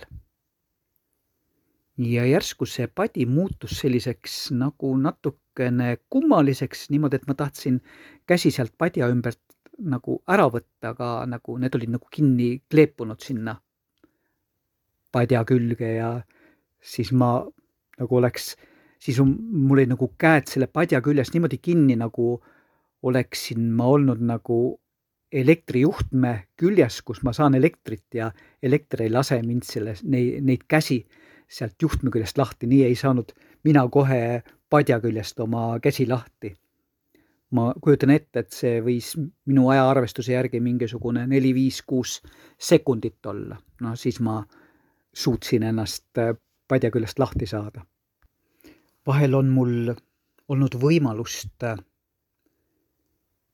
unenägemises dikteerida ise ruumi kõrgusi ja, ja mõõtmeid, et äh, ükskord ma lausa testisin seda, et kui ma olin mingi künka peal, see küngas noh, ei olnud üldsegi kõrge, mingit hirmutunnet ei olnud ja siis ma nagu mängisin selle künkaga, et kuule, ma teen nüüd selle hästi kõrgeks, et tahtsin vaadata, et kas ma siis hirmu tunnen enda sellisest äh, kujundamisest ja siis ma tajusingi, et, et see küngas muutus palju kõrgemaks nagu kaljuseinaks ja mingil hetkel ma suutsin isegi äh, tunda seal sellist äh, hirmu. samas ma teadsin seda, et ma olen selle ise teinud ja sai mängida nii selle loomi, loominguga kui ka selle hirmutundega, et seda nagu seda hirmutunde volüümi maha keerata ja juurde keerata, et see oli selline tunne nagu noh, nagu väike laps oleks, oleks nagu väike laps olnud, kes mängib, mängib kõrgusega. viimasel ajal on ka olnud sellised unenäod, kust väljununa ma olen tundnud, et mul on vaja seal midagi nagu ära korrastada. ma seda ei saa mõttega teha, aga ma saan seda teha nagu tundega. et selle tundega ma ulatun nagu tervendama selles unes nähtut. no rääkida on noh, päris, päris palju veel, et praegu kohe kõik ei tule päris hästi meelde ja ja pean ütlema ka, et küllaltki harjumatu on siin üksipäini mm, mikrofoni rääkida, et polegi niimoodi eelnevalt äh, oma nagu kõnet salvestanud mm. -hmm. ka nagu selline tunne, et noh, nagu ärkvel, ärkvel unenäos. jah, noh, kõike paremat. aitäh sulle, Marek ja ma tegelikult ei ütle, et see kummaline või imelik on, vaata, võta seda kui teise isega rääkimist, et teine ise räägib unenägemises unenäos sinuga. Et samamoodi räägib põhimõtteliselt mikrofoni, sina oledki kui teine ise, kes räägib äh, mikrofoni ei no me ju kõik kuulasime muidugi, muidugi, see ei olnud monoloog, sugugi polnud monoloog, see oli, see oli lihtsalt, et äh, sõna on antud Marekile ja tema rääkis. ja, ja. aga tänapäeval on ju see võimalus olemas. aga ma tahtsingi siit oma poolt öelda, et äh, nagu, et paljud käivad astraalis ja lihtsalt lähevad astraali, et mis on siis selle eesmärk, et mida nagu teha annab. Astraaltasandile, kui sa oled saatnud oma teadusega astraaltasandile, siis sul on võimalik äh, tegelikult seal samamoodi siis afirmatsioone öelda ja manifesteerida. ja need asjad äh, tulevad siia ellu füüsilisse kehasse. et äh, kindlasti, et kui, mida mina olen teinud, et ma olen astraalis käies iseennast ravinud ja teinud terveks päris mitmeid-mitmeid kordi. Et kui on olnud mingisugused tasakaalutused, et selle kandi pealt on Marekil jumalast õigus, et et väga tihti inimesed teevad seda unes aga astraalis on sellel nagu kordades suurem võimendus, kui sa astraalis parandad iseennast. ja, ja monolooge on ka üks koht, kus kohas tasuks öelda monolooge. lindistada just nimelt on äh, näiteks, mis minu puhul, et tead, ma isegi ei teadnud, et sa siukseid asju teed. Ma pole veel rääkinudki. Jaa, ei no kui sa nagu ütlesid mulle, et sul nagu siuke plaan on või niimoodi, et sa täna tahad, siis ma kuulsin, mõtlesin, vau, väga lahe. Mm. aga see monoloogi teema, et äh, kui ma öösel olen näinud äh, mingit unenägemist või äh, astraalikogemust saanud, siis ma koheselt lindistan, seepärast et ma ei hakka kirjutama neid märksõnasid ülesse ja tihti on nii, et ma tegelikult hommikuks, kui ma kuulan üles seda, seda öist lindistust, siis ma hommikul tegelikult ma ei mäletaks kõike neid sõna-sõnalt, nii nagu ma siis sel hetkel, kui ma lindistasin, seda ütlesin. aga mul tuleb see kõik meelde, eks ole et äh, mul oli just üks äh, konkreetne äh, unenägemine ja oli seesama öösel, kui oligi, teid ei olnud seal. ja, ja siis ma kohe ju lindistasin, et kell oli mingi kümne ajal või niimoodi. ja ma arvan, et kui ma ei oleks seda lindistanud, siis mul ei oleks hommikul sellest pool juba meelest arvatavasti no see sõltub muidugi sellest no sellised konkreetsed detailid, ma mõtlen, detailid, ma mõtlen. seda küll, jah. et äh, ma mõtlesin, et oi, mul on kõik meeles, see oli päris pikk oli ja aga, aga kui tagantjärgi ma kuulasin seda lindistust, siis mingi detail oli mul juba meelest läinud. Noh, see on ju paljude asjadega niimoodi, et miks me neid üles kirjutame, on sellepärast, et meie mälu moondub, mälu muundub ah,. muideks ma võin teile siin lõpus äkki, ma lasen hästi väikse lõigu sellest, et see muidu on hästi igav kuulata, vaata kui ma olen hästi unine sel hetkel. see on äh, väga põnev kuulamine selle kandi pealt, et te, te kuulate nüüd oh,, olen nüüd äh, siin unes ja näen nüüd siukseid asju nojah, ma pooleldi magasingi seal ja mul ei tulnud meelde sõnad isegi, saad aru, ma olin öös. et inimesed, ärge kartke olla natukene crazy'd ja natukene hullumeelsed, on ju, väljendage seda, mis on teie sees, mis tuleb sealt.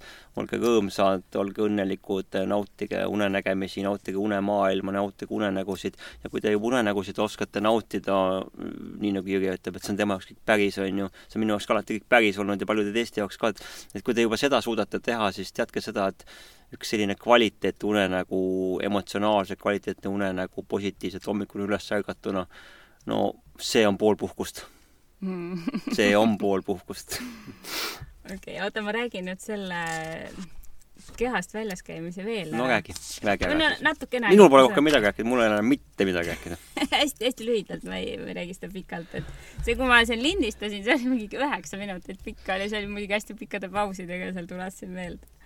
Et väga lahe. aga mis see põhiline oli siin, mis ma tahtsin öelda, et äh, alguses ma olin unenägemises ja ma sain aru, et ma olen unes ja siis ma olin ühtäkki oma toas, magamistoas seal voodis. sa olid just tööle läinud, vaata tol päeval, kui see kella keerati, siis sa olid kuuest üleval, eks? viiest olin üleval. me olime veel varem üleval et me olime tegelikult töö otsa seal, vaata ei saanud magada ja vaat oli, ma panin meditatsiooni vahepeal, aga ikka ma ei suutnud magama jääda, keerasin, vähklesin ja siis sa, sa pidid ka sellepärast üleval olema, et ma kogu aeg vähklesin. et aga lõpuks siis kell kuus siis ma jäin magama. no sa ei kujuta ette, kui, kui kõvasti käib see heli läbi, kui sa paned selle Bluetoothiga tööle okei, okei, kannatad ära mis seal ikka. igal juhul, eks siis järgmine magasid. see kuulub, see kostub järgmisse naabermajja ka välja õnneks ei kostu õnneks ei kostu siit mitte midagi. aga äh, ma siis lõpuks jäin magama. nii, ja, ja siis ma sain aru, et ma olen unenägemises, sa olid just ka allkorrusel, vaata hakkasid üles tulema seal, mul kõigepealt oli uni. ja siis ma olin voodis, siis ma mõtlesin, et aa, oi, ma olen unenägemises, siis ma tundsin, vaata, ma magasin külili. ma mõtlesin hommikul, noh siis kui ma magama jäin, et ma ei jaksa selili olla vahest on selline tunne lihtsalt, et sa ei jaksa selili olla, et sa ei jaksa nagu minna sinna kehast välja või midagi taolist ja siis ma keerasin külili. Äh, mul on see vasakpoolne külg, kus ma siis näen rohkem unenägemisi. vaata, me oleme sinuga ka kogenud päris mitu korda, et äh, sina oled oma parema külje peal, mina olen vasaku külje peal ja siis jalad puutuvad kokku või midagi, onju, ja siis me näeme neid unenägemisi, viimasel ajal on ju mitu neid olnud hommikul just.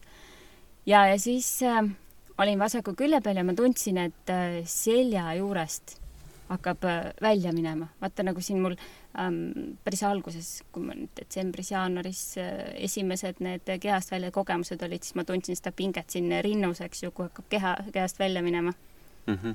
rääkisin, et äh, nüüd oli see, et ma tundsin seda selja koha pealt, noh, loogiline ka, ma olin külili, eks ju. ja, ja sinnamaani oli, hull müra oli. sina tegid mingit hullu häält noh, mitte hullu häält, aga selles mõttes mingit müra see ei juhtunud. aga mul oli veel sihuke tunne, et sa tahad mind üles tõusta, kuigi sind ei olnud seal toas, ma tean, et äh, mulle tunduski, et sa oled justkui, aga ma sain pärast siis aru, et see kõik oli seesama astraalmüra, mis äh, tegelikult tahtis mind, et ma üles tõusen, et ma ei läheks sealt edasi, eks ju, vaata nagu on. aga ma kõike eirasin, sain aru, kuna ma olin teadlik juba, ma teadsin, et see, ma pean seda kõike eirama ja, ja siis äh, mõtlesin, et oot, see pinge oli juba, tundus nagu hästi pikalt kestvat. ja siis mõtlesin, et nii, ma ei keskendu sellele kehalisele tundele, vaid äh, ma keskendun sellele, et ma olen juba väljas. ja hetkega mul kadus igasugune müra, täielik vaikus ja ma tundsin, et ma olen püsti voodis. hetkega, saad aru, see müra kadus. oligi täpselt nii, nii kui välja sain, klõps läinud. oli ja siis, aga siis ma tuikusin seal kuidagi, ma mäletan, et ma tuikusin vastu seina veel niimoodi. ja siis ma mõtlesin, oot, oota, ma olengi nagu päriselt reaalaja astraalis või, sellepärast et magamistuba oli selline, nagu ta oli ja sein ja uks kõik olid samadel kohtadel. ja mul oli juba hea meel, et ma olen nagu päriselt reaalaja astraalis, et mul nagu seda kogemust ju nii palju pole, et alati mingid uneelemendid seal sees. ja siis ma läksin läbi seina. see nii lahe oli läbi seina minna, saad aru, see oli nii kihvt tunne läksin sealt läbi seina esikusse mõtlesin, et oh, ma lähen vaatan, mis lapsed teevad, et nemad ju veel magasid, onju. ja siis ma sain aru, näh, pekki, ikka ei ole see päris reaalaja, et seal on mingid tekid olid seal ja kõik ja siis olid lapsed, noh, praegust nad on täiskasvanud peaaegu. ja noh, üks juba ongi täiskasvanud. Ja, ja siis seal olid nad pisikesed niimoodi kolme-nelja-aastased. Ja neid oli topelt selles mõttes, et tütreid oli kaks ja poegasid oli kaks aga naabripoiss oli ja üks. naabripoiss oli ka, mul kõik olid nad siuksed kolme-nelja-aastased. ja siis, aga kuna see oli mul juba korduv asi, ma üldse ei pööranud nendele tähelepanu, nagu naersin selle peale, et nad jälle siin on, eks ju. et äh, küsisin veel küll ikkagi, et äh, et miks te siin jälle nii väikesed olete, aga noh, mingit vastust seal õieti ei tulnud ja ja nii ta seal läks, aga see oli nagu lihtsalt juba naljakas, et mis teete siin umbes minu unenäos kogu aeg nagu väikestena. Mina olen reaalaja astraalis muuseas mitu korda tuikunud. ma olen lohistanud jalgu taga ja jalad on õigemini rasked nagu olnud, et see astraalkeha jalad nagu lohisesid mööda treppi alla minnes mm. -hmm. täpselt nii nagu oleks kummitusel mingisugune saba olnud taga ja see lohiseb. ja samal hetkel minu keha kuulis, kuidas trepist läksin ma ise alla ja siis oli nii creepy või kõhe tunne oli nagu siukene, et appi, poltergeist on majas, aga ma saan aru, et mina olengi see poltergeist on majas onju, et maga rahulikult edasi Mm. Ja teine kord oli niimoodi, et, et, et kehast välja minnes eh, kui niimoodi tuikusin nagu mingi joodik paremale-vasakule, võnkusin, tegelikult oli võnkumine, ma võnkusin, ütleme mm. -hmm. mitte ei tuikunud, aga võnkusin ja see oligi nii huvitav, et, et mingisugused jõud nagu äh, lükkasid paremale-vasakule, olid nagu jonnipunn niimoodi õrnalt niimoodi, pendeldasin niimoodi ja siis liikusin samal ajal ka sujuvalt edasi, et, et seda on olnud, et äh, ma ei tea, miks, aga lihtsalt on olnud. Mm -hmm. aga see on vaid, võib-olla see oli sellepärast, et need olid algusasjad. Et No, ka vaata, see on ka nii, et noh, et esimest korda oled nagu purjus, teine kord juba õpid roolima. ja, ja, ja vaata ühega rääkisingi, sa ütlesid, et ta käib äh, ka, et ta- on päris alguses ja, ja siis ta lendab äh, vups ühes kohas, vups teises kohas, et, et ei ole niisugust püsivust nagu, et, et lendab nagu Stabiilsust, ja, jah. jah, et, et lendab ühest kohast teise kohta. aga seal oli siis edasi, et ma läksin alla korrusele, kõik oli veel sama, aga siis, siis hakkas muutuma see, et meie alumine korrus ei olnud täpselt selline, nagu seal mul selles nägemuses oota, ma küsin, kas, kas sa high disaini ideid said või? jaa, ma sain ühe pildi. said või? noh, ei, ei tegelikult aga kas sa tood selle siia maailma ka või? ma ei tea, see tundub nii modernne olevat, et äkki modernist või kuidas ma ütlengi seda, et, et äh, ei tea, ei oska öelda. aga noh, iseenesest huvitav oli. aga siis oli veel niimoodi, et äh, ma nägin vahepeal ühte maali, tegelikult seal oli koridoris oli rohkem maale, vaat meil on ka ju esikus. aga need ei olnud needsamad, mis meil esikus on ja siis ma mõtlen, et oh, lahe, ma lähen selle pildi sisse. seepärast, et äh, noh, miks mitte, eks ju Mhm. ja siis äh, taha, teen näpuga seal äh, selle pildi peal, teen nagu akna, et või ukse, et ma lähen läbi selle sisse. ja siis lähen nagu sinna lähemale niimoodi, aga mingit tunnet ei tekkinud. vot nii nagu ma läbi seina läksin, mul Mhm. tekki, ma tundsin, kuidas ma läbi seina läksin, ma mõtlesin, et ma saan sama tundega nagu läbi selle pildi minna sinna pildi sisse. Ei tekkinud mingit tunnet, vaid see, see kuidagi nagu hajus ära, see, mis ma seal näpuga justkui tegin, ei, ei jäänud mitte midagi sinna peale et näha ei olnud, et ma oleks nagu ukse sinna teinud, siis ma mõtlesin, et oot, ma teen suurema. et äkki see aitab, tegin siis mingi suurema, ma ei tea, kakskümmend korda kakskümmend senti, eks ole, sellise avause, et ma lähen nüüd sealt sisse, siis et see on nagu rohkem näha. aga sinna pildi peale midagi ei tulnud, et noh, unenägemis vaata tekivad need asjad, eks mm. -hmm.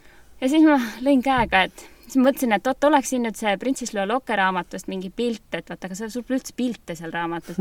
see, see ma ei tahtnud panna jaa, ma mõtlesin just unes selle, et oleks nüüd sellest pilte, et siis läheks nagu sinna, et vaataks, mis seal toimub ja nii, et aga mul ei olnud seal, ma ei saanud kuidagi tekitada ka mingeid pilte. vaata, mul lapsena, kui muinasjuturaamatuid vaatasin, siis eks ju need vennad Grimmid omad olid ja siis oli ka, et vaata, need eh, pildid olid ette joonistatud Mm -hmm. ja siis andis ka kohe niisuguse nagu noh, sa vaatad seda, see vahva rätsep on ju, seitse ühe hoobiga on ju, jumalast kihvt mees jutu järgi, vaatad pilti, jumalast nõme mees.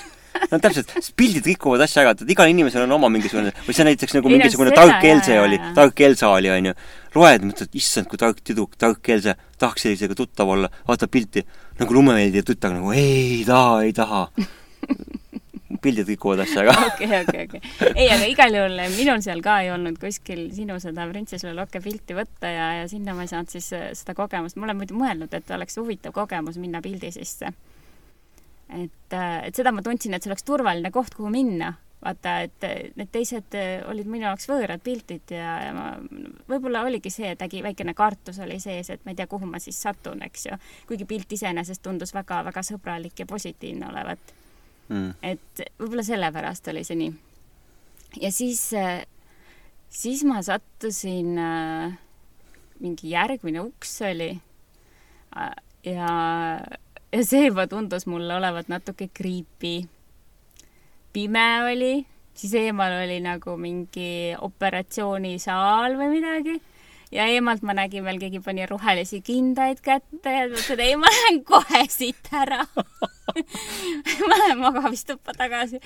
ja, ja panime sealt pauguga uksed kinni ja läksin magamistuppa ja olingi kohe üleval minu jaoks on see nii põnev alati olnud, kui sa oled nagu astraalis ja siis astraalis äh, sa suudad ennast kuskilt taustsüsteemis äh, leida sellise nagu koridori keskelt kust lähevad uksed siis erinevatesse niimoodi maailmadesse, just nimelt ongi nagu uksed nagu avad, ukseavad mm -hmm. siuksed.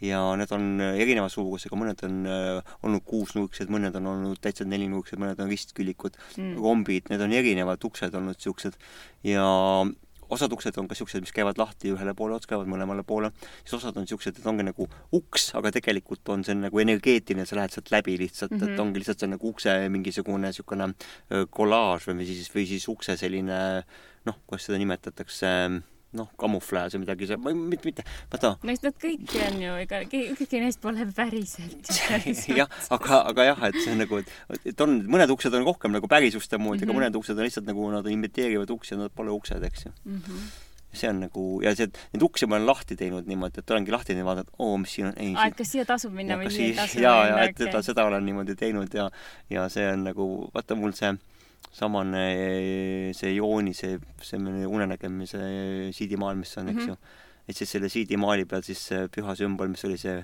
selline spiraal, mille sees on aknad mm, -hmm. et see tegelikult äh, imiteeriski sedasamat taotluse samba teekonda, kus sa siis lähedki. ja siis see spiraal ongi tegelikult see tunnel ja siis sellest tunnelist tulevadki need, tunnelist tulevadki siis need aknad mm -hmm. siis erinevatesse maailmadesse, erinevatesse ajastustesse jaa, ei see on põnev, see on põnev ja, ja see on aga kartma ei pea selle kandi pealt, et äh, mina olen näinud näiteks ka astraalis tuli minu ette kosmoses, oli üks kristall ja ma läksin kristalli sisse ja kristalli sees oli terve suur universum sõna otseses mõttes mm, -hmm. terve suur maailm ja kohtusin mingisuguste kluksidega seal, oligi mingi KLUX oli mingid siuksed, siuk-, sellised tüübid nagu pea oleks nagu suur supikauss, selline või selline, mitte, mitte see supi, see pesukauss, vaata nagu vanasti olid seal saunades sellised imelikud nagu mm -hmm. poollemmis, siuksed äh, alumiiniumist. vaat selliste peadega, see oli ka üks suur silm ja siis oli neli, neli jäset ja kõik nad olid võrdse pikkusega nagu mingisugune ja siis need otsas olid siuksed väiksed armsad sõrmekesed ja siis need viisid mind oma maailma. hullumeelne.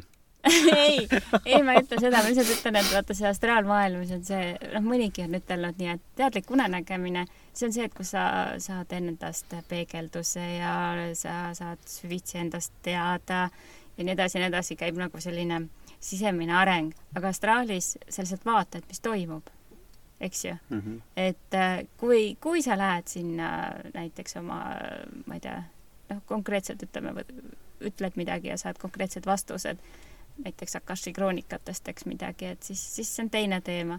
aga kui sa lihtsalt lähed nagu vaatlema, siis see, tuledki lihtsalt selle muinasjutuga tagasi oli kunagi Kertu, Kertu Soansiga oli üks ühine unenägemine, et äh, saime kokku Akashi kroonikates, seal oli nagu anekdoot sel hetkel, kui mina jõudsin Akashi kroonikatesse, olid sellest ainult varemed järgi mm.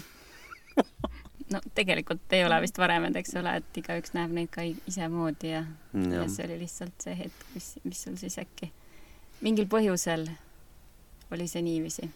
aga ma tahaks kindlasti paljude inimeste neid väikeseid lugusid ka kuulata. jaa, me teemegi üleskutse, et kõik, kes te meid kuulate, ärge häbenege, kirjutage meile või salvestage meile vastavalt ei pea olema pika. ei pea pikk olema, võib ka lühike olla, kolm minutit, viis minutit. ei no tõesti vabalt ka minut, mis jah. iganes, et aga lihtsalt ja. vahest on nii lahedad, et siuksed pisikesedki kasvavad, et oh, seda kogesid, sest alguses näiteks mina ütlen enda kandi pealt, kogemused alguses on hästi lühikesed mm. -hmm et eh, aga, aga samas need on võimsad ja need viivad edasi ka teisi algajaid. jah, ja kui te ei taha, et eh, te kardate rääkida, ütleme, te ei taha, et me teie nime seome nagu selle jutustaja taha, onju, siis me ei pea seda nime juurde panema, aga te võite lihtsalt rääkida, kes teid ikka ära tunneb. jah, muidugi. me ei ole nii populaarsed, onju, et õhtul seda AK uudistes ei räägita, et unekändur äh, Maili praegust nägi sinist elevanti kuule, aga ma panen lõppu selle hästi väikese lõigu. no pane, pane, loomulikult pane, see on, pane see kõige segasem lõik, pane, see on panen nagu, lühikese. inimesed saate naerda. kujutage ette seda, kujutage ette, mis, milleni see viib, on ju, see pidev edasipürgimine. ma tahan kehast välja saada, ma tahan kehast välja saada, ma tahan neid kogemusi saada. eks te kuulate neid uniseid lindistusi. see on naljakas, aga see on väga tubli. mina pole seda teinud, ei ole teinud, aga see on naljakas. tasub teha, tasub, muidugi tasub teha. kindlasti. Just nimelt. nutikad kõik on olemas, tasub katsetada ja, ja teha, kasutada ära seda võimalust. jah, aga aitäh kõigile, kes eh, oma panuse andsid, on andnud siis jututubades ja siis ka podcast ides ja me lähme edasi, sellepärast et nagu me aru saame, unenägemise maailm ei maga kunagi. jah, täpselt, täpselt ja aitäh kuulajatele. aitäh kuulajatele ja, ja kuulake meid edasi. unenägemist. unenägemisteni. näen, et äh, ma olen siin samas voodis. aga kuidagi nagu imelik on, et voodi äh, otsas oli nagu võimalik lahedamalt olla justkui või. siis ma sain aru, et ma olen tegelikult unes või noh, selles mõttes, et kehast väljas. ja siis läksin äh, siit kaugemale, kuna kehast väljas, eks ju. ei tahtnud lähedal olla siin keha välja lähedal ja läksin äh, kiiresti äh, siit isikust mööda sinna äh, tuppa äh,, Suku magas äh,. raske oli näha neid televiisoreid seal, aga ikkagi nägin. mingi põhjusel olid raske näha ja siis hakkas tulema tagasi tulles, kuulen mingit äh, häält, et mis hääl see on. mulle tundus, et äh, kass teeb mingit häält, kuigi noh, kass on õues praegu. hüppas nagu justkui tooli pealt vahepeal ja nägin. ja siis kuulen ja mingit häält on see, siis on väike laps, pisikene imik siukene ja seal trepi juures ja, ja mängib täpselt niimoodi ohtlikult äh, nagu käsipuu peal teeb seal mingeid teritamme ja ja mitte käsipuu peal, aga seal on veel mingi pulk on, kus kohas ta siis ta saab nagu keerutada. ja siis ma saan aru, et äh, see on minu unenäo element seal astraalis, mis tahab nagu äh, mind äh, noh, ma ei teagi midagi teha. et ma hakkaks kartma selle pärast või midagi. aga ma ei hakanud küsima, miks sa teed niimoodi, et äh, mida ma teen, ütles niimoodi, et kuidagi tavaliselt ja siis mõtlesin, et kuule, et aga ma võtan su endale sülle, et. ja ütles, et kuidas sa mind võtad, et. siis ma, näitasin. ja siis ma nagu liiga palju hoidsin teda. siis ta tahtis jalgu rohkem sirutada. et näed, et nii ta ei saa üldse hingata ega ei saa rahulikult olla. ja siis ma kuulsin nagu harti häält ja siis oli nagu see hardi seal kuidagi kuskil mm..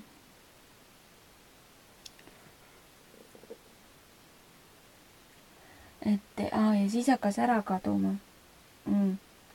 see oli niimoodi, et äh, ma, mul hakkas see ära kaduma, siis mul tuli meelde, et ma enne seda unes nägin niimoodi, et, et äh, kui hakkab ära kaduma, siis mine käega vastu seina ja keera teistpidi nagu.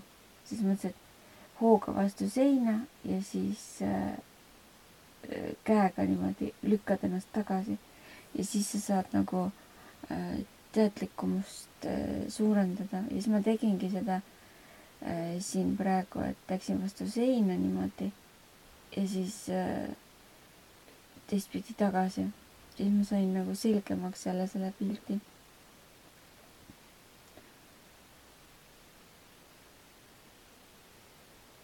ja siis lõpuks ma tulin ikkagi tagasi siia, sellesse